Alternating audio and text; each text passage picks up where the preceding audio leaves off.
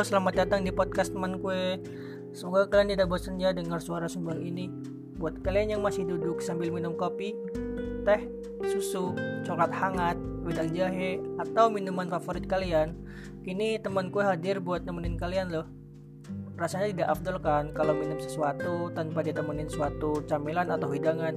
Tapi santai aja, teman gue bisa jadi gantinya kok. Hahaha. Seperti angin, terkadang dia datang untuk menyejukkan kita, tapi terkadang dia juga tak kunjung datang. Dia ada, namun seolah-olah tidak ada. Memang cukup membingungkan, padahal dia bukanlah makhluk astral. Kali ini gue mau bercerita, bisa dibilang ini cerita gue sendiri sih. Semua dimulai dari bangku SMA, lebih tepatnya di kelas 2 di mana baru aja penjurusan. Dan kebetulan gue masuk jurusan bahasa waktu itu bukan pilihan pertama sih. Pasti rata-rata dari kalian yang dulu di SMA ambis juga pengen masuk jurusan ini. Hmm, jurusan ini sih sebenarnya gue pengen dulu pengen MIPA gitu kan. Mungkin karena kurang beruntung juga pada akhirnya gue nggak masuk di situ. Yaudahlah ya gak usah disesali. Lagi pula juga udah lewat.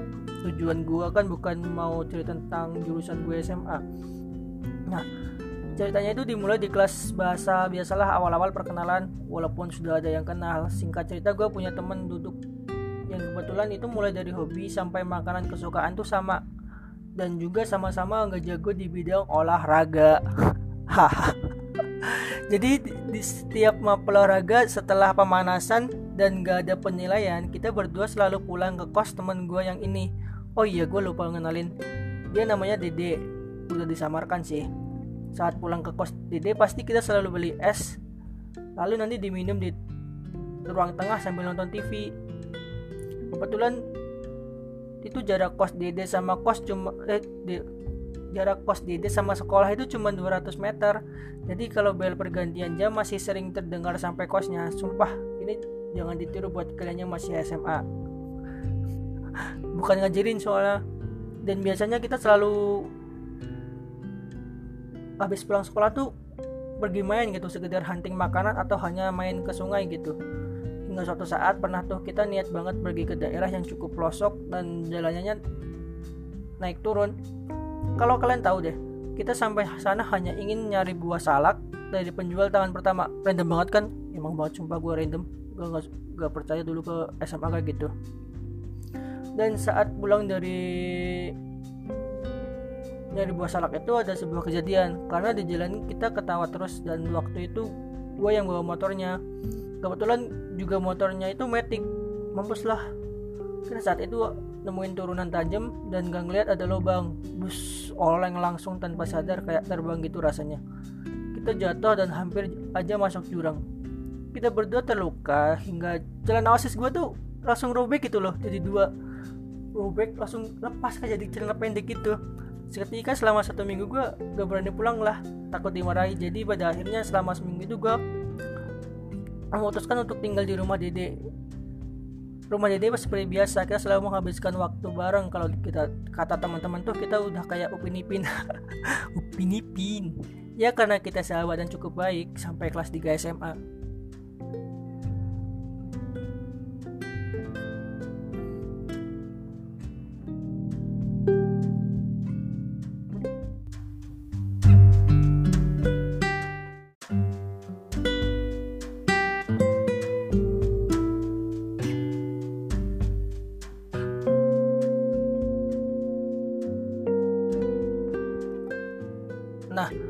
akhir-akhir kelas 3 ini hubungan kita sedikit rada renggang karena ya ambis masing-masing kebetulan nilai kita selalu kejar-kejaran. Jadi maksudnya itu kita ambis di nilai sering TUC gitu kan. Jadi nilai kita tuh sering kejar-kejaran jadi udah kayak sibuk masing-masing belajar gitu. Hingga suatu ketika setelah UN entah nggak tahu kenapa sih gue juga nggak tahu apa masalahnya sebenarnya jadi waktu itu gue lagi main lagi mau main gitu ke alun-alun sebenarnya. Pengennya dan pengen ajak si Dede ini tapi dia bilang sibuk ya udahlah ya gue akhirnya pada gue akhirnya ngajak si adek gue dan gak sengaja ke, ketemu Dede di sana. Dan dia bareng sama teman-temannya yang lain yang gue pun nggak kenal sebenarnya. Sebagai sahabat pasti gue sapa dong. Dia nyawa tapi dengan raut wajah yang agak berbeda sih sebenarnya. Malahan lebih welcome teman-temannya ini karena nyambung akhirnya gue ngobrol banyak sama temen-temen teman-temannya si Dede. Tapi si Dede ini malah diem kayak digembok gitu kayak mulutnya tuh digembok gitu. Dia mau tanpa kata sama sekali. Dengan memasang raut wajah bete gitu. Akhirnya salah satu dari temennya minta WA gue kan besok mau ajak pergi main bareng-bareng gitu loh. Kalau pas mau pengen ngajak main bareng tuh tinggal kontak aja maksudnya kayak gitu. Gue kasih dan setelah itu kita pulang di lain hari gue mau main kan ke kos Dede seperti biasa karena nyokap udah tahu juga gue sahabatan sama si Dede ini. Jadi gue cuman bilang mau ke Dede beliau langsung ACC gitu nyokap gue langsung ACC tapi pas sampai sana yang bin yang bukain pintu itu si bapak kosnya katanya si dedenya lagi pergi. Ya udah gue balik aja baru sampai gerbang. Teman-temannya si dede yang lain itu juga datang mau nyamperin. Gue bilang kalau dedenya nggak ada tapi salah satu temennya ngomong kalau dede ada kok sambil nunjukin chat dia sama dede yang yang sebenarnya dede itu ada gitu. Dipanggil lah si dede sama mereka. Auto keluar dong. Gue sebenarnya kaget sih di situ. Sumpah gue nggak tahu kenapa dan sebenarnya apa salah gue karena tujuan gue di situ ya mau nanyain itu sih. Akhirnya gue ikut nimbrung sama mereka ngobrol-ngobrol dan seperti kemarin DT beda lagi bete lagi sih setelah pada pulang semua dan gue juga nyampe rumah saking kagetnya Dede blok gue blok gue gue sumpah gue kaget di situ. Setelah itu gue gak pernah kontekan sama sama si Dede ini tapi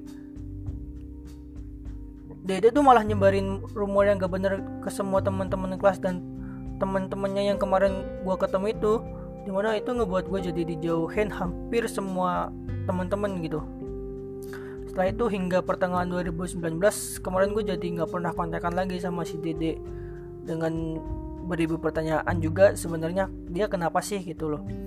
Tapi pas akhir 2019 tuh kakaknya si Dede kebetulan juga akrab sama gue gitu ngechat ngechat gitu di WA ngajak ketemu. Ya mumpung gue free juga kan pas gue pulang di rumah di sana kakak dede cerita kalau sebenarnya si dede ini awalnya merasa iri kalau gue bisa lolos 6 PTN bisa kuliah dan nilai UN gue lebih baik daripada dia gitu.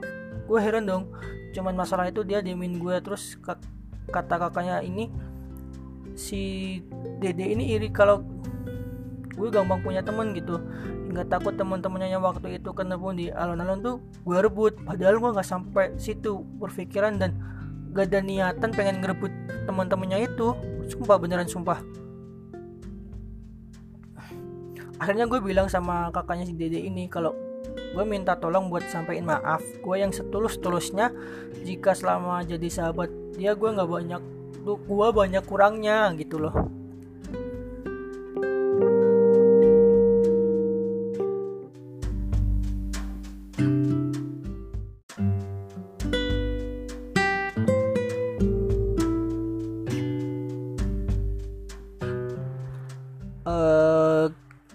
sih ceritanya. Jadi sebenarnya tuh gue nggak suka ya kalau harus memutuskan tali silaturahmi dengan seseorang. Tapi sahabat gue satu yang satu ini buat pilihannya sendiri. Dan gue juga kesel aja waktu itu hingga gue difitnah banyak hal sama dia kalau sampai kedengeran ke telinga nyokap gue terus gue dimarahin habis-habisan. Tapi setelah itu kenyataan nyok setelah tahu kenyataannya nyokap gue dan teman-teman gue jadi paham sih jadi pembelajaran itu jangan rusak suatu ikatan atau hubungan entah itu sahabat pacar teman dan lain-lain. Hanya karena hal-hal yang sepele yang sebenarnya bisa dibicarakan dengan baik-baik tanpa harus merobohkan satu pihak gitu loh. Itu oke mungkin ini aja sih yang bisa gue ceritain ke kalian kali ini.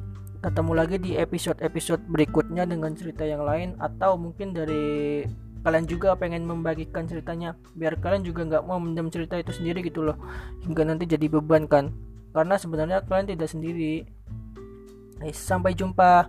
Terima kasih udah mau dengerin podcast temen gue salam manis dari gue